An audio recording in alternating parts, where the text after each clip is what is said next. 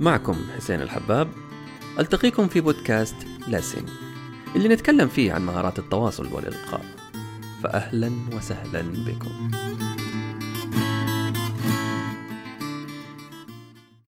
السلام عليكم ورحمة الله وبركاته وأهلا وسهلا بكم في حلقة جديدة من لسن لسن هي كلمة عربية تصف من يجيد التواصل. لذا كانت شبكة لسن متخصصة في كل ما يتعلق بهذه المهارة. بحيث تقدم محتوى تعليمي بطريقة مختصرة على أغلب منصات التواصل الاجتماعي إنستغرام وتويتر فيسبوك بودكاست ويوتيوب. هذا بالإضافة إلى عدد من الخدمات الأخرى المذكورة في وصف الحلقة. حلقتنا اليوم حتكون عن أهمية مهارات التواصل والخطابة في العمل وحنتكلم فيها مع ضيفنا في محاور كثير ابتداء من أهمية الخطابة في القيادة. دور مهارات الإلقاء في العمل ودورها في الترقية. أهمية الارتجال للموظف كيفية مهارة التقييم للمدراء. وكلمة أخيرة لكل موظف حيبدأ مسيرته العملية وكلمة للي قطع شوط في مسيرته العملية وحابب يترقى بوظيفته أنا تشوقت لمعرفة إجاباته. ولكن قبل ما نبدأ خلونا نتعرف من هو لسن هذه الحلقة. المهندس حاتم جاندي حصل على شهادة الهندسة من جامعة المؤسس ليعمل بعدها عام 2005 في الشركة السعودية للكهرباء. تدرج فيها وبزغ نجمه فأصبح مديرا لدائرة تخطيط موارد ومشاريع الجهد الفائق ومنها لمنصب مدير إدارة البحث والتطوير بالشركة. ولأن التحسين المستمر ديدنه انضم لأندية ال Toastmasters للخطابة باللغة الإنجليزية في عام 2014 وانقلوا عنه قوله. أؤمن بأهمية هذه الأندية في صقل مهارات التواصل الاحترافي والقيادة لكل الموظفين في مختلف المستويات الوظيفية. أهلا وسهلا مهندس حاتم. أهلا فيك. ما شاء الله تبارك الله لك إنجازات قيادية كبيرة في مجال العمل. وأنا متأكد أنه مهاراتك في الإلقاء والخطابة كان لها دور كبير في هذا النجاح. فخلينا ندخل في المفيد على طول. من وجهة نظرك إيش أهمية القيادة في الخطابة؟ شوف يا حسين والله يعني هذا الموضوع آه، ذو شجون كبير. يعني يمكن أنا من الناس آه، الآن حوالي ثمانية سنوات في مسار القيادي في عملي. ويمكن ما كنت أشوف هذا الموضوع بأهمية كبيرة قبل لا أدخل في المسار القيادي حقيقة.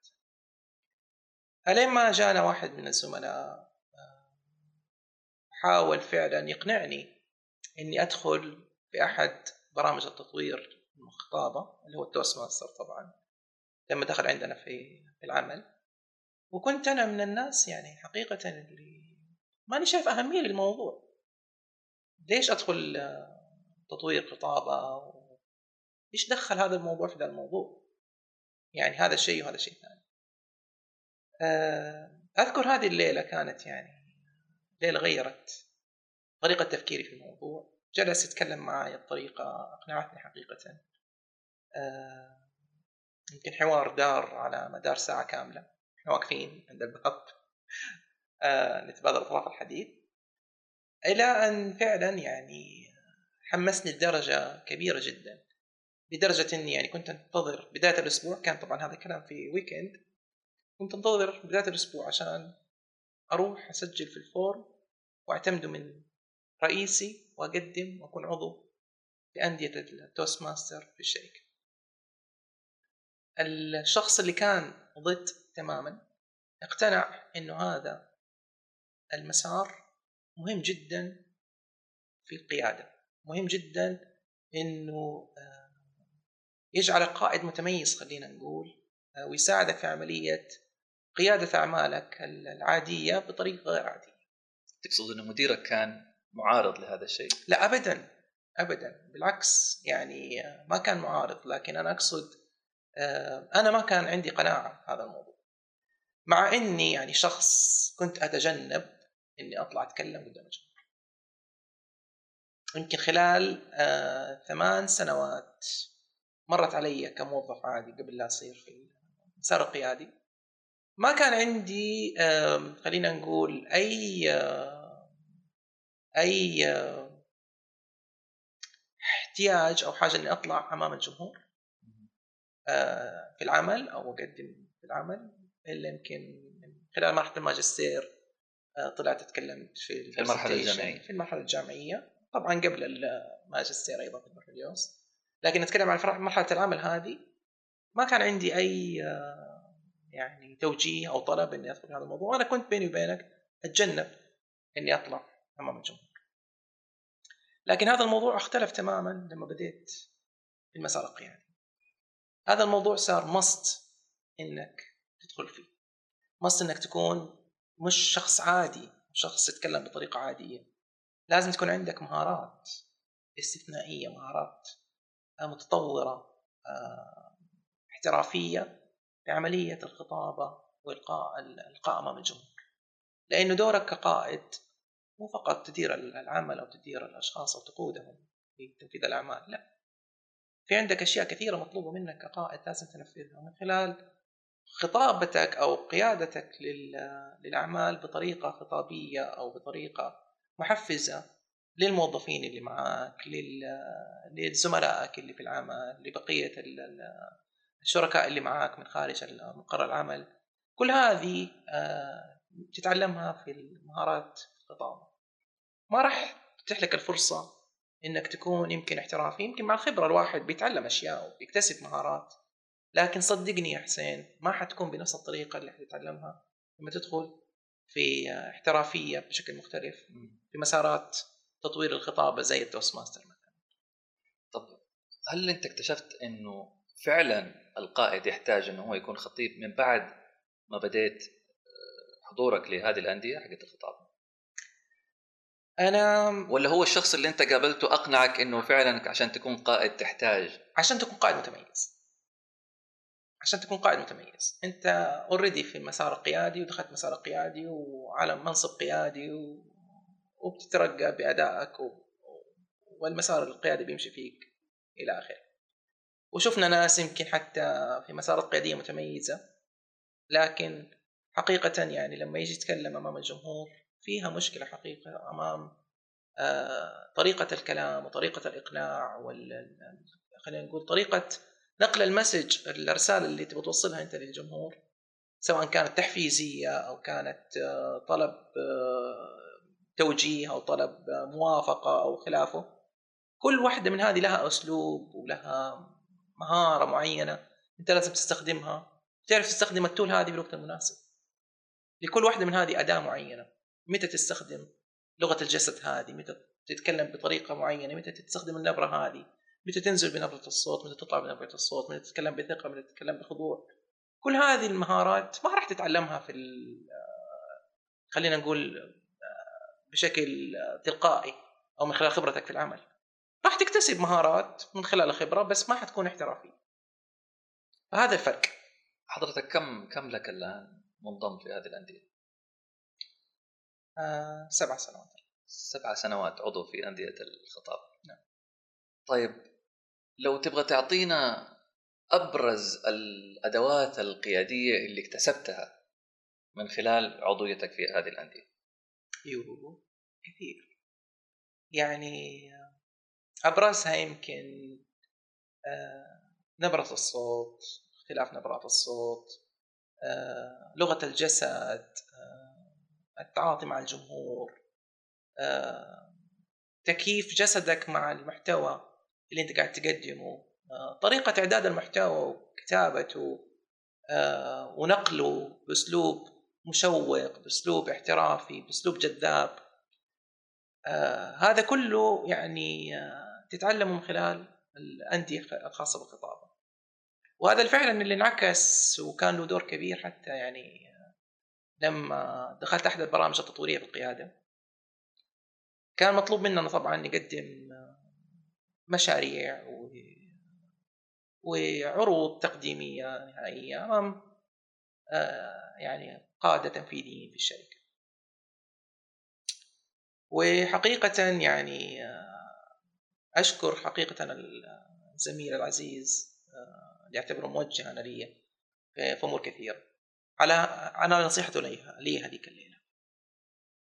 فعلا أيقنت وقتها إذا ما كنت دخلت أندية الخطابه كيف كان عندي الشجاعة إني أوقف قدام زملائي قياديين آه، رؤسائي آه، قادة الشركة في العمل اكزيكتيف ناس لها وزنها ناس لها خبرتها.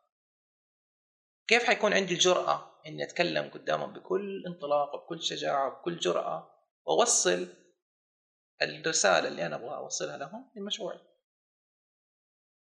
هذاك اليوم وهذيك اللحظة وهذاك الوقت فعلا أيقنت أهمية إني دخلت أندية الخطاب وطورت نفسي ليوم زي هذا عشان أكون فعلا جاهز إني أتكلم قدام أي أحد بدون أي تردد وبدون أي خوف يعني وقتها حسيت إنه عضويتك في هذه الأندية وممارستك لهذه الأنواع من الخطابة سواء كانت حسب ما أعرف عندكم في خطابة معدة في خطابة ارتجالية وفي نوع خطابة تقييم. المهارات اللي أنت اكتسبتها خلال هذه الأنشطة آه، التعليمية في الأندية الخاصة بالتوست ماستر أعطتك بعض خلينا نقول المميزات الإضافية اللي أبرزتك لما صحيح. دخلت في منافسة مع الآخرين؟ صحيح. آه خليني أقول لك حاجة.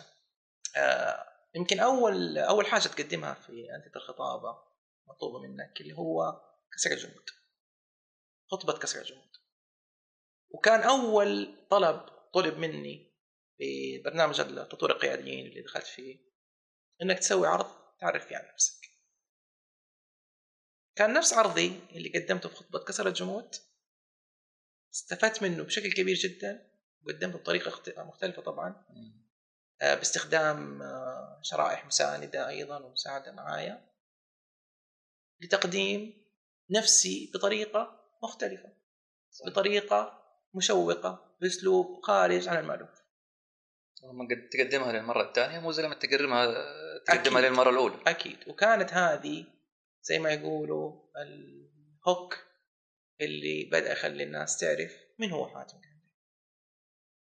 في البرنامج التطوير القيادي سواء كان المدربين أو زملائي في, في نفس الفريق. أنت وضعت بصمة مختلفة من خلال أسلوب معين من خلال أسلوبك في الطرح أسلوبك في التقديم. وهنا بدأت فعلا آه، تعكس ما تعلمته من خلال برامج الخطاب. هذا اللي فعلا كان له آه، دور كبير جدا في إني أبدأ أطور هذا الموضوع وأشتغل عليه بشكل أكبر بشكل مختلف وساعدني كثير خلال مساري في التطوير القيادي داخل هذا البرنامج آه إني فعلا أستفيد من هذه الإمكانيات وهذه الأدوات في عملية تطوير ما أقدمه أمام الآخرين. طيب خلينا ناخذها جزئية جزئية. إحنا ذكرنا إنه في عندنا في اللقاءات التعليمية ماستر في الفقرة التعليمية الأولى اللي هي كانت خطب معدة بعد كذا في ارتجالي وبعد كذا في التقييم خلينا ناخذها فقرة فقرة ونشوف كيف أثرت عليك كقائد. نبدأ بالجزء الأول اللي هي الخطبة المعدة حضرتك مثل ما ذكرت قدمت اللي هو خطبة كسر الجمود واستفدت منها بعدين في دورتك القيادية بأنك تكلمت عن نفسك وعرفت تتكلم عن نفسك أمام الآخرين صحيح. طيب بالنسبة للمشاريع الخطب الثانية هل فادتك برضو كمان كقائد؟ طبعا. آه يعني كل يمكن خطبة من الخطب المعدة كان لها هدف مختلف عن الآخر. مو فقط في إعداد الخطب اللي أنت تعدها بنفسك أيضا من خلال آه من خلال الزملاء اللي بيعرضوا أمامك. أنت مشاركتك وحضورك آه في الأندية هذه ومشاهدة الآخرين كيف يعرض طريقة عرضه أسلوبه طريقة التقديم المصطلحات اللي يستخدمها كيف يبدأ كيف آه، يتكلم على الرسالة اللي بيوصلها كيف يختم خطبته. كل هذه أنت بتتعلمها مو بس في الإعداد أيضا من خلال ما يعده الآخرون. فأنت تتعلم تتعلم مهارات كثيرة حقيقة وهي الإعداد. أنا بربط لك هذا الموضوع بال يمكن بداية سؤالك كيف بيفيدني كقائد؟ انت في العمل أكيد يعني تتعرض انك تقدم عروض تقديمية مختلفة على مستويات مختلفة على إدارات عليا إدارة تنفيذية ممكن لأي أحد من داخل مقر عملك أو خارجه. كيف تعد عرضك أيضا؟ هو مو مسألة إني جهزت شرائح وكتبت فيها نقاط واجي أتكلم عنها بطريقة عادية لا. أنت بتعد هذا العرض أيضا بنفس الطريقة اللي بتعد فيها الخطبة المعدة. كيف أبدأ؟ أحط مقدمة للموضوع. كيف أسوي هوك للناس للجمهور اللي معك؟ باختلاف طبعا أنواع الجمهور باختلاف المستمعين اللي قدامك. كيف تبدأ؟ تخليهم فعلا ينجذبوا لكلامك أنت عشان تعطيهم الرسالة أو متن الرسالة اللي أنت قاعد تتكلم عنها من خلال عرضك اللي أنت قاعد تقدمه. وفي النهاية أنت إيش تبغى توصل لهم وإيش تبغى منهم؟ بالضبط تختم عرضك بهذه الطريقة. فكل حقيقة آه، رسالة أنت بتوجهها للجمهور سواء كانت في عرض تقديمي أو في اجتماع أو في خلينا نقول مكالمة هاتفية أو في اجتماع أو في آه، رسالة بريد إلكتروني كل هذه تعد بنفس الطريقة أو في خطاب حتى. تعد بنفس الطريقة اللي بتعد فيها الخطبه المعده مقدمة ومتن وخاتمة. يعني نفس القوانين اللي انت جالس تطبقها في الخطب المعده بتطبقها في بالضبط. العروض التقديم بالضبط. بالرغم من إنه المحتوى هنا يعني شوية تقني أكثر أو بيتكلم بشكل إداري أكثر بينما هناك أنت بتتكلم عن أي شيء ثاني ممكن تبغاه في الحياة. شوف يا حسين هي أدوات. يعني زي خلينا نقول آه، شنطة العده اللي مع المهندس تكون فيها عدة يعني أنواع مختلفة من العده موجودة. التولز هذه تستخدم هذه تستخدم هذه. كلها تستخدم في أوقات محددة والغرض محدد. أنت هنا بتتعلم أدوات تتعلم مهارات تتعلم أسلوب معين. كل الأسلوب هذا صالح لأي مكان ولأي زمان. انت طلع العدة المناسبة في المكان المناسب واستخدمها بشكل مناسب هذا اللي لازم تسويه. وهذا الربط الحقيقي بين إنك تدخل أندية الخطابة وتستفيد من الأدوات اللي تتعلمها هناك. تعكسها في حياتك اليومية وفي حياتك العملية وفي حياتك التعليمية وفي أي مجال حابب تستخدمها. طيب خلينا نروح للجزئية الثانية اللي هي فقرة الخطب الارتجالية. كيف وجدت نفسك قبل ما تدخل هذا الجزئية وبعد ما مارست هذا النوع من الخطب وكيف فادتك كثير في عملك؟ يمكن هذه أصعب فقرة دائما يعني الناس تتكلم عنها في أندية الخطابة يمكن هي أصعب جزء حقيقة. كثير من أعضاء التوست ماستر يمكن أو أعضاء أندية الخطابة آه، بيشردوا من الأندية هذه بسبب هذه الفقرة. فقرة الخطب الارتجالية والسبب إنه أنت تسأل عن شيء لا تعلم عنه شيئا ومطلوب منك الإجابة في وقت محدد وبطريقة محددة وبأسلوب محدد وأيضا تطبق عليه نفس المبدأ. مقدمة ومتن وخاتمة. في رسالة بتوصلها للناس. تستخدم فيها لغة الجسد. وبتستخدم فيها نبرات الصوت. كل هذا لشيء أنت لا تعلمه. الخطب المعدة يمكن أسهل بطريقة أو بأخرى لأنك أنت بتأخذ وقتك يمكن أنا من الناس حتى اللي يأخذ وقتي كثير يعني تأخذ وقتك في التحضير وفي الحفظ وفي بالضبط. وتجهز نفسك وتسوي عليها تمرين لمرة ومرتين وثلاثة وعشرين مرة. أما هذه أنت بتسأل عن شيء أحد بيسألك عن شيء أنت ما بتعرف عنه ولا حاجة. كيف تجاوب السؤال هذا؟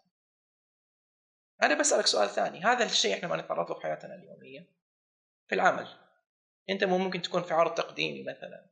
وتقدم حاجة معينة لرئيسك أو رئيس رئيسك. وتسأل سؤال. ما أنت جاهز لجوابه؟ كيف الطريقة اللي بتجاوب فيها هذا السؤال؟ هنا لازم يكون عندك مرة ثانية أداة تطلعها من شنطة العده حقتك. وتستخدمها وهذا اللي تحط لك هي الخطب الارتجاليه هنا بتعلمك على أشياء كثيرة. يعني من المهارات اللي آه، تتعلمها في الأندية تحديدا من الخطبه الارتجاليه مهارة الاستماع. أنت كيف تسمع بشكل جيد؟ مهارة التفكير أو سرعة التفكير. كيف تبدأ تفكر في الشيء اللي أنت سمعته بشكل سريع ويشتغل عندك المعالج داخل دماغك بحيث إنه يعطيك تركيبة للجمل اللي أنت تبغى تقول عنها ومحتوى أنت ما كنت مجهزه أصلا؟ وكيف تبدأ تتكلم أو توصل هذه الرسالة وتتواصل مع الجمهور؟ من خلال توصيلك لهذه الرسالة. وإقناع الجمهور بجوابك اللي أنت قاعد تقوله. خصوصا لشيء أنت ما أنت معد له مسبقا. هذا الشيء تماما أنت تتعرض له في حياتك العملية. تلاقي نفسك تسأل سؤال ما أنت جاهز له. ما أنت معد له مسبقا. ما تعرف عنه يمكن آه، كثير من الأمور. ومحتاج إنك تجاوب بطريقة احترافية تقنع الآخرين بشكل أو بآخر بجوابك اللي قاعد تقوله أنت. بالتالي أنت اللي قاعد تقوله الآن إنه الخطب الارتجالية بتعطيك تجربة مسبقة لهذا بالضبط لهذا السيناريو بالضبط. على أكثر من مرة لين ما تتعلم كيف تسحب العدة من شنطة العدة وقت ما تحتاج بالضبط. طب خليني أسألك يعني بشكل مباشر. أنت شخصيا هل لاحظت فرق في أدائك الارتجالي قبل ما تدخل الأندية وبعد؟ أكيد. أكيد آه، كان في آه، تحسين هذا الموضوع. وأنا من الناس اللي كنت أحب ألعب الدور حق إني أكون أنا الشخص اللي اسال السؤال. في المنطقة الآمنة. في المنطقة الآمنة عشان تتجنب السؤال المحرج لا حقيقة آه، كنت أستمتع فيها كثير. يعني هذه هذه الفقرة من يمكن هي فقرة حماسية أكثر وفيها نوع من التحدي و ما ناخذ الموضوع بشكل محرج خلينا نقول والله أنت بتطلع عشان تحرج نفسك أو تحرج الآخرين. أنت بتطلع عشان تتعلم تتعلم كيف تتكلم بطريقة غير معدة مسبقا. كيف ترتجل كلامك بشكل احترافي ومقنع للجمهور اللي أمامك. هذا اللي يخليك مرة على مرة على مرة على مرة تحسن من أدائك الارتجالي خلينا نقول اللي ممكن يوصلك إنك توصل لمرحلة العمل وبتعكسه في عملك القيادي بشكل يكون احترافي أكثر ما أنت والله ما أنت متعود على هذا النوع من الأسئلة والنمط المفاجئ من الأسئلة. اللي هناك ما في يعني مسح أنت تتعامل في وسط عمل مع مع مجلس إدارة ممكن مع. أصحاب قرار. فالموضوع هنا جدي ومحتاج إنك تكون فعلا عندك التول المناسبة لهذا الموقف. خاصة إذا كنت أنت في موضع قيادي فبالتالي أنت يعني مساءل. مساءل في أي لحظة صحيح. ولأي موضوع. قد يكون لك في علاقة وقد يكون ما لك في علاقة بالضبط. أساسا. بالضبط. كل كلمة محسوبة عليك. كل كلمة محسوبة عليك. طيب خلينا نروح للجزئية الثالثة اللي هي تتكلم عن التقييم أو آلية تقديم التقييم. لو تتكلم لنا عن الجزئية هذه كيف فادتك كقائد؟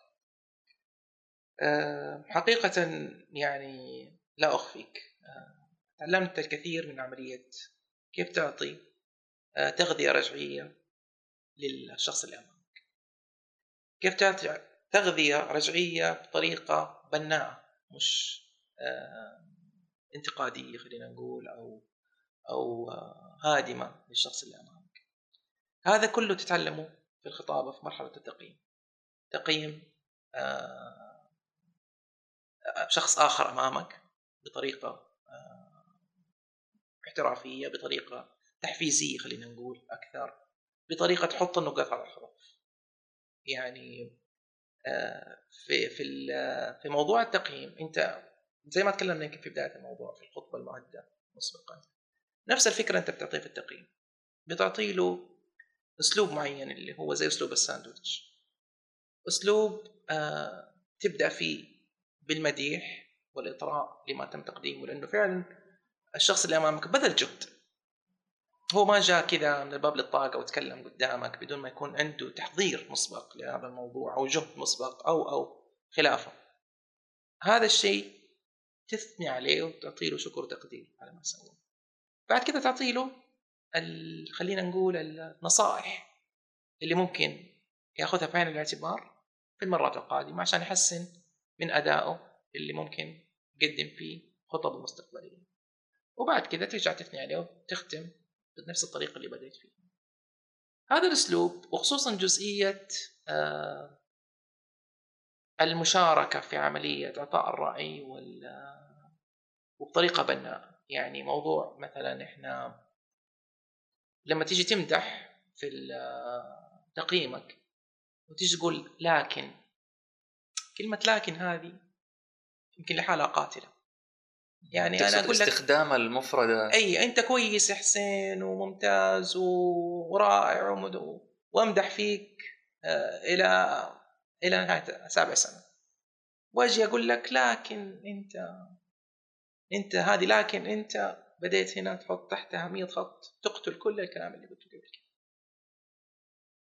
فإحنا نتعلم أسلوب مثلا كيف تيجي تقول لكن هذه الطريقة مختلفة. أنا لو إني مكانك كان ممكن أسوي بهذه الطريقة.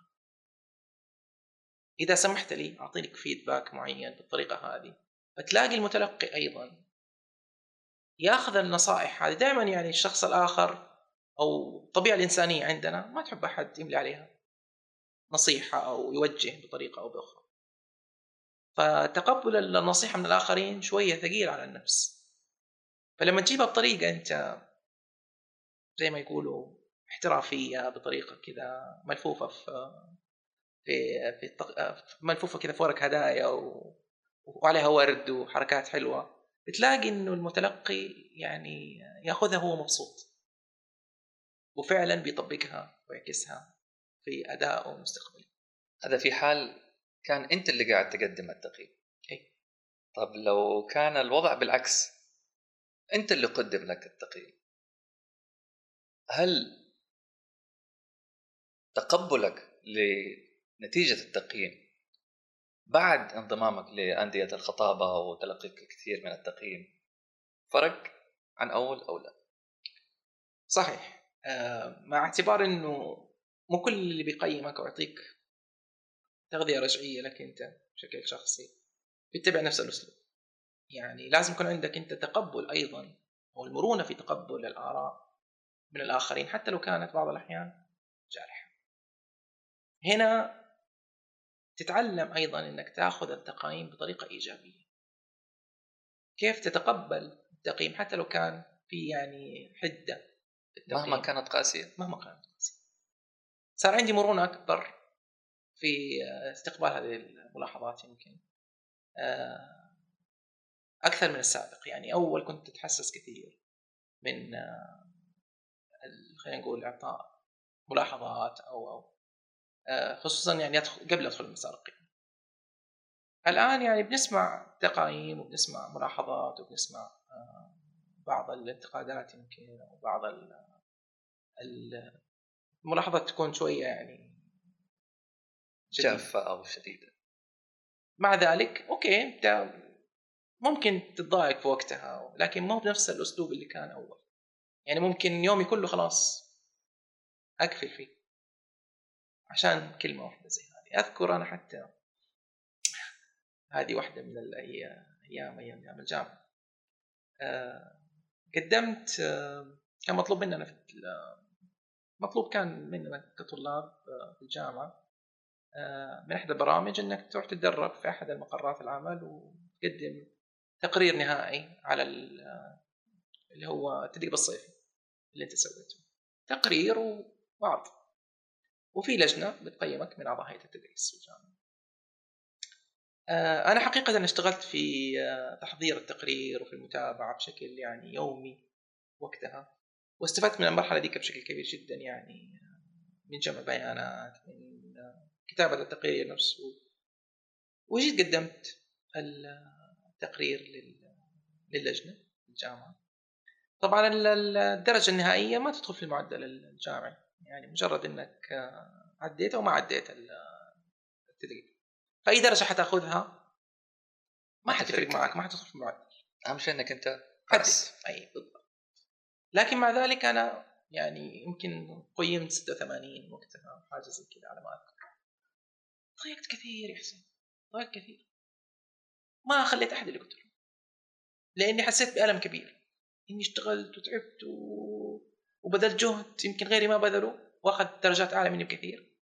رغم إنها ما بتنعكس على معدلي ولا لها أي علاقة ب وتكلمت مع أحد الدكاترة الثانيين وشكيت الموضوع عليه وتكلمت مع رئيس القسم يعني ما بقي أحد إلا وصلت للموضوع الموضوع. كان ماكل معك كثير. ماكل معي كثير. و... وكان وقتها يعني الشيء بالشيء يذكر آه، نصيحة من رئيس القسم الله يذكره بالخير. آه، قال لي شوف آه، لازم تتعلم في الحياة حاجة إنه الشيء اللي يجيك خلال ساعة العمل خلينا نقول لازم وأنت طالع من هذا المكان تقفل عليه وتمشي. مشاكلك اللي في البيت وأنت جاي للعمل سيبها في البيت وقفل الباب. لا تخلط بين الاثنين وتخلي يومك كله يتكدر. ففي أشياء تتعلمها فعلا مع الخبره وفي أشياء تتعلمها. باستخدام أدوات جديدة زي اللي تتعلمها في الخطابة. كيف تعطي أنت تغذية رجعية للي امامك وكيف تستقبل أيضا التغذية بطريقة إيجابية للتحسين الذاتي في أدائك سواء كان في العمل أو في أدائك في الخطبه الخطب في الانديه طيب خليني أسألك كقائد. أنا أبغى منك ثلاثة مواقف. كل موقف له علاقة بأحد الأدوار الثلاثة اللي أنت قمت فيها في الأندية حقت الخطابة سواء ك قدمت عفوا كتقديم خطب معدة أو ارتجالي أو تقييم. أبغاك تقول لي ثلاثة مواقف موقف لكل واحدة من هذه الأشياء سواء كان شيء حصل لك أنت أو شيء حصل أمامك كان نتيجتها إنه الموظف أترقى أو اتعين بمعنى هل في مرة من المرات قدمت أنت مثلا ورقة عمل أو برزنتيشن أو أحد من الموظفين قدم قدامك هذا النوع من الأعمال وكان بسبب اداؤه وكان بسبب اداؤه إنه هو حصل على ترقية أو حصل على على إدارة آه، عفوا منصب في إدارة. أو حطيت عيني عليه. أو حطيت عينك عليه. نفس الشيء للخطب الارتجالية ونفس الشيء للتقييم طيب آه يمكن ما عندي مثال على كل واحد من هذه آه لكن خليني أعطيك بعض المواقف حقيقة اللي اللي كان لها أثر كبير في في هذا الجانب. آه في نفس البرنامج التطوير القيادي اللي كنت أكلمك عنه في البداية كان عندنا عرض نهائي للمشروع اللي قدمناه واشتغلنا عليه طول فترة عام كامل. من الجهد المتواصل والشغل. آه، زملائي في المجموعة فريق العمل اختاروني أنا. إني أنا اللي أكون ممثل لهم في تقديم العرض النهائي. أنت تقدم نيابة عنه. نيابة عن فريق كامل. طبعا كان حاضر أمامنا يعني آه، عدد من التنفيذيين ناس لها خبرة ووزن داخل مقر العمل أنا الحمد لله جاهز بما لدي من أدوات بما تدربت عليه من خلال الممارسة من خلال التكرار من خلال الأدوات اللي كنت أتعلمها في الخطابة وقدمت العرض ولله الحمد. آه، قبل لا أقدم العرض طبعا كنت مجهز المحتوى بطريقة مختلفة بطريقة جذابة بطريقة غير تقليدية صح التعبير؟ لأنه الاثنين تكمل بعض. طريقة عرضك وأسلوبك والمحتوى اللي أنت بتقدمه وطريقة إخراج المحتوى. كل هذه تتكامل مع بعضها أنك تقدم محتوى مختلف. الحمد لله اشتغلت على تجهيز العرض وإخراجه والمحتوى اللي فيه طبعا كنا نشتغل فيه كفريق عمل كلنا. والعرض كنت أشتغل عليه طبعا بشكل فردي وسويت تمارين عليه واشتغلت عليه من ناحية نبرات الصوت من ناحية الحركة لغة الجسد آه، ربط الكلام والمحتوى بالشريحة اللي بتتقدم طريقة تواصلي مع الجمهور مع كل محتوى كل هذا كان له تدريب مسبق وهذا اللي تعلمناه فعلا في أندية الخطابة وش قدمت العرض النهائي من. كان حاضر؟ والله عدد كبير يعني الآن يمكن ناس منهم مشيوا تركوا مقر العمل تقاعدوا يعني. لكن مناصبهم كانت كبيرة. نائب رئيس تنفيذي رئيس قطاع آه، رئيس تنفيذي. فكان العدد ما شاء الله يعني مش مش سهل ولا مستواهم سهل.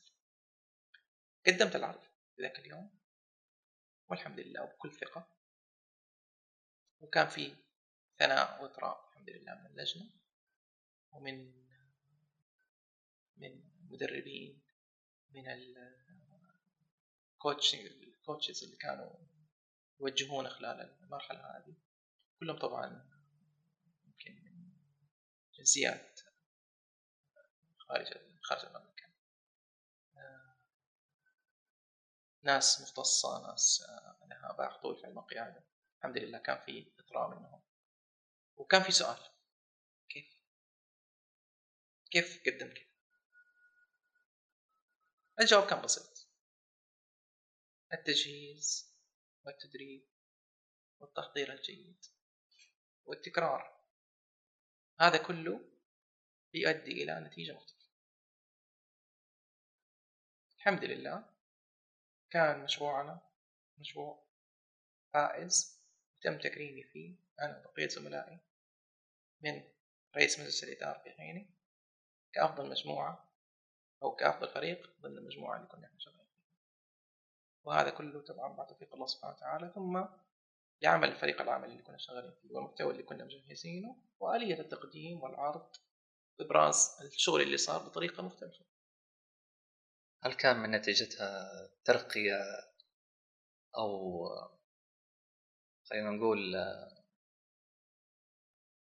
وصول إلى مستوى معين اتصال بمناصب عليا. بالضبط. كانت زي ما يقولوا سنارة.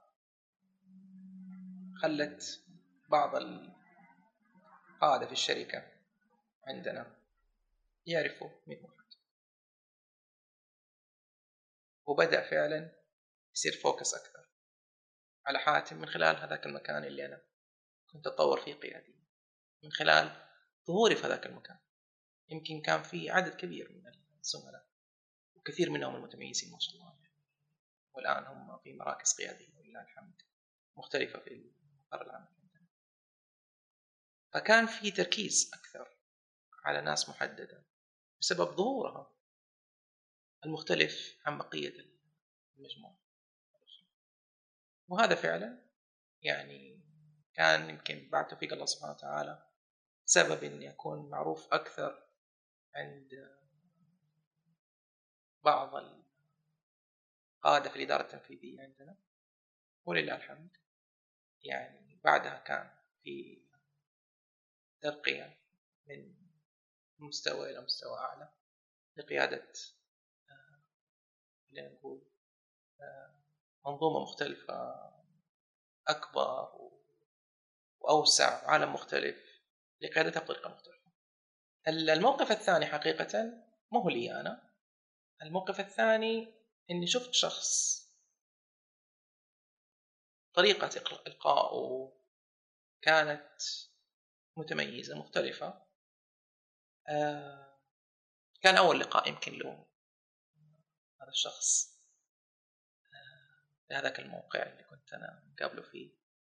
وكان عنده يعني كلمة مجهزة مسبقا آه، تعتبر خطبة معدة مسبقا آه، ألقاها أمام أحد القياديين عندنا. وحقيقة كان هذاك اليوم زي ما تقول خطرت فيه أو عملت آه، تركيز أكبر على هذا الشخص. وبديت أشتغل على هذا الشخص إنه أحاول أستقطبه بشكل أو بآخر. مرت سنة يمكن سنتين ثلاث سنوات. وهذا الشخص واحد الموظفين في الإدارة اللي اشتغل فيها أنا الشخص هذا ما أعرفه حقيقة ولا أعرف اسمه في حينها. بس لما شفت أسلوبه في الخطابة وكيف يتكلم وكيف يعني خلى كل الجمهور اللي كان موجود في حينها يكون منصت بشكل متميز قلت هذا الشخص مو شخص عادي. ولا هو جاي كذا كاتب كلام وجاي يقول.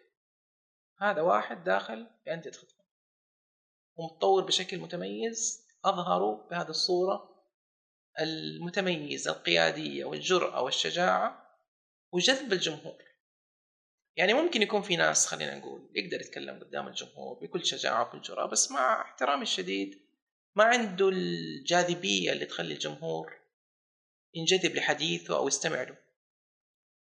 المهارة اللي تتعلمها أنت هنا أنك كيف تخلي الناس يسمعوا لك؟ من يوم ما تقول أه إلى من يوم ما تفتح حديثك لين ما تختم حديثك وهو منصت لك بدون ما يكون في أي نوع من أنواع التشويش الذهني خلال إلقائك أمامه هذه المهارة اللي فعلا أنت تحتاج أنك تتعلمها. فعلا تستخدمها وقت ما تتكلم قدام جمهور هذا الشخص كان عنده هذه الملكة وقتها وهذا ما كان طبعا إلا بعد توفيق الله سبحانه وتعالى ثم التطوير اللي صار في أندية الخطابة. طبعا بعد كده عرفت أنه أحد أعضاء أندية التوست ماستر كان باين عليه. طيب يعني باختصار القصة الأولى خلينا نقول تطويرك لمهارات الخطابة والإلقاء كانت آه، خلينا نقول كان لها الفضل بعد الله بأنه وضعتك أنت في منصب قيادي نعم. القصة الثانية لشخص ما آه، بسبب آه، تطويره لمهاراته برضو كمان في الخطابة والإلقاء وضعته في خلينا نقول وظيفة أفضل من الوظيفة اللي كان عليها أظهرته بشكل مختلف خلت الآخرين ينظروا له آه، بشكل مختلف أيضا وبالتالي يمكن استقطابه لأماكن يمكن مختلفة. هذا الشيء ما كان سيكون لو ما كان في جاهزية عالية إنك تظهر نفسك وتظهر خلينا نقول العلامة التجارية لشخصيتك بشكل جذاب للآخرين. أنت كده جذبت الجمهور وخليت عند الجمهور قابلية إنه يستقطبك إنه يجيبك في مكان عمل مختلف أو في مكان مقر عمل آخر أو أو أو يتقبل ما تقول وأنت يعني هذه مو بس خلينا نقول على مستوى مقر عمل أو حتى في عملية التسويق يا رجل. يعني أنت تبغى تسوق منتج بطريقة معينة إذا ما عندك القابلية والمهارة هذه إنك تسوقه بنسمع بعض نسميهم المروجين. يعني يتكلم بطريقة مبتذلة على السلعة يعني مستهلكة خلينا نقول. ما هي احترافية ولا هي جذابة وانت كواحد مستمع خلينا نقول ك كعميل انت فاهم الموضوع إنه من البداية أصلا. أيه. انت بتقفل الباب يعني. okay عارف هو إيش يبغى خلاص أيوة. أنا مقفل أصلا الباب. ترى ممكن يقول كلام كويس. ممكن المنتج اللي في يده رائع. ممكن يغير حياتك يا رجل. ما, ما تدري.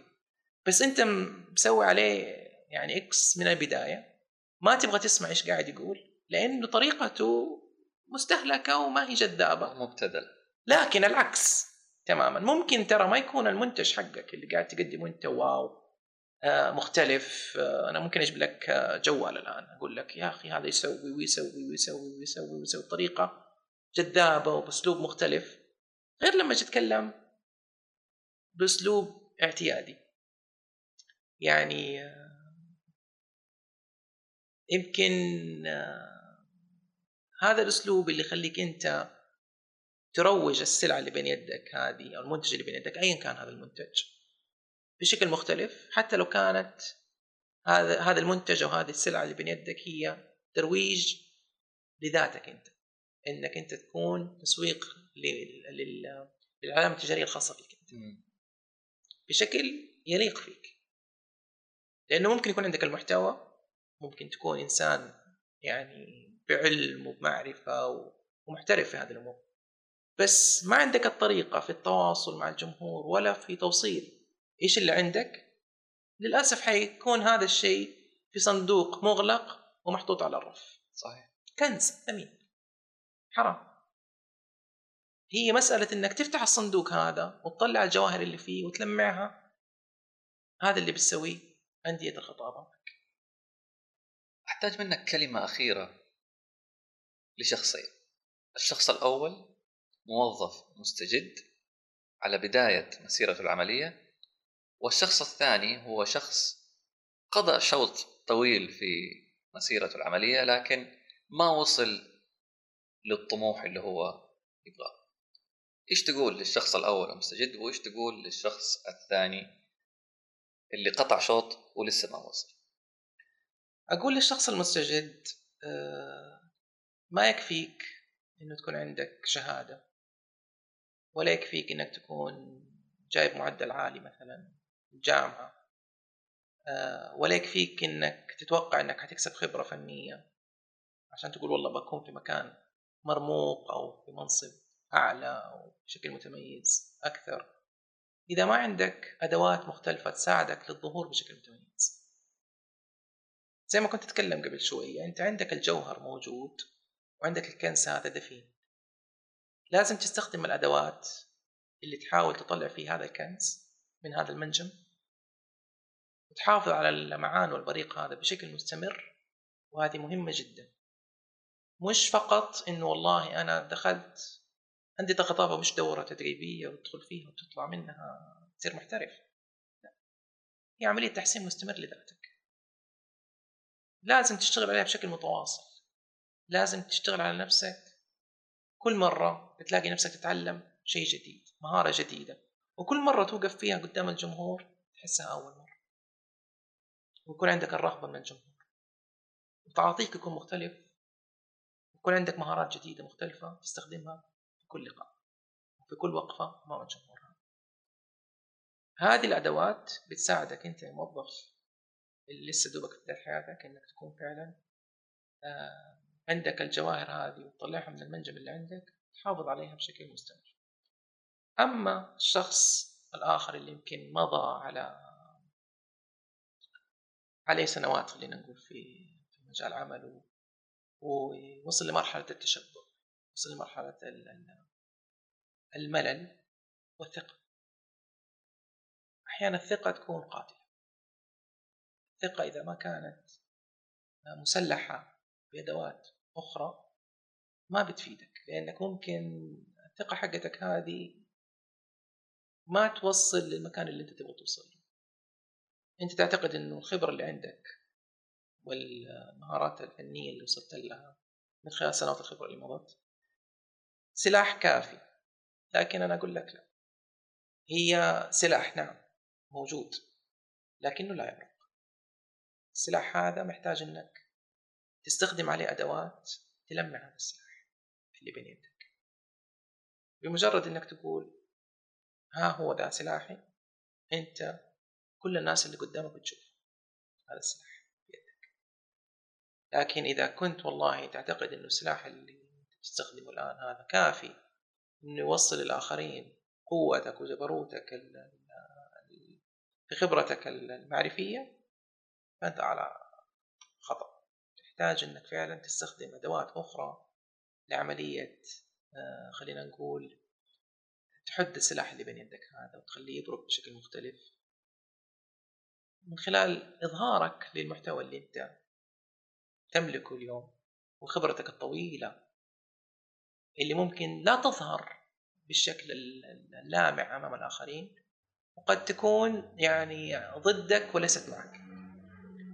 لكن إذا استخدمتها بالشكل الصحيح وأظهرتها بالشكل الممتاز أمام الآخرين راح تكون وصلت لمرحلة يعني احترافية عالية جدا وبتلاقي قبول ورواج أمام الآخرين. كلمات رائعة مهندس حاتم الله يعطيك العافية وشكرا لك. كفيت ووفيت. وكنت ضيف لسن حبيبي الله يسعدك يا عزيز وفي الختام أيها السيدات والسادة إذا أعجبتكم الحلقة لا تحرمونا من الضغط على زر الإعجاب والاشتراك في القناة ليصلكم كل جديد. ومشاركة الحلقة لمن يهمه هذا الموضوع وهكذا. تنتهي حلقتنا. على أمل أن نلقاكم في حلقة جديدة. وإلى أن نلقاكم مجددا أتمنى أن يكون أفضل ما في يومكم أسوأ ما في الغد. إلى اللقاء.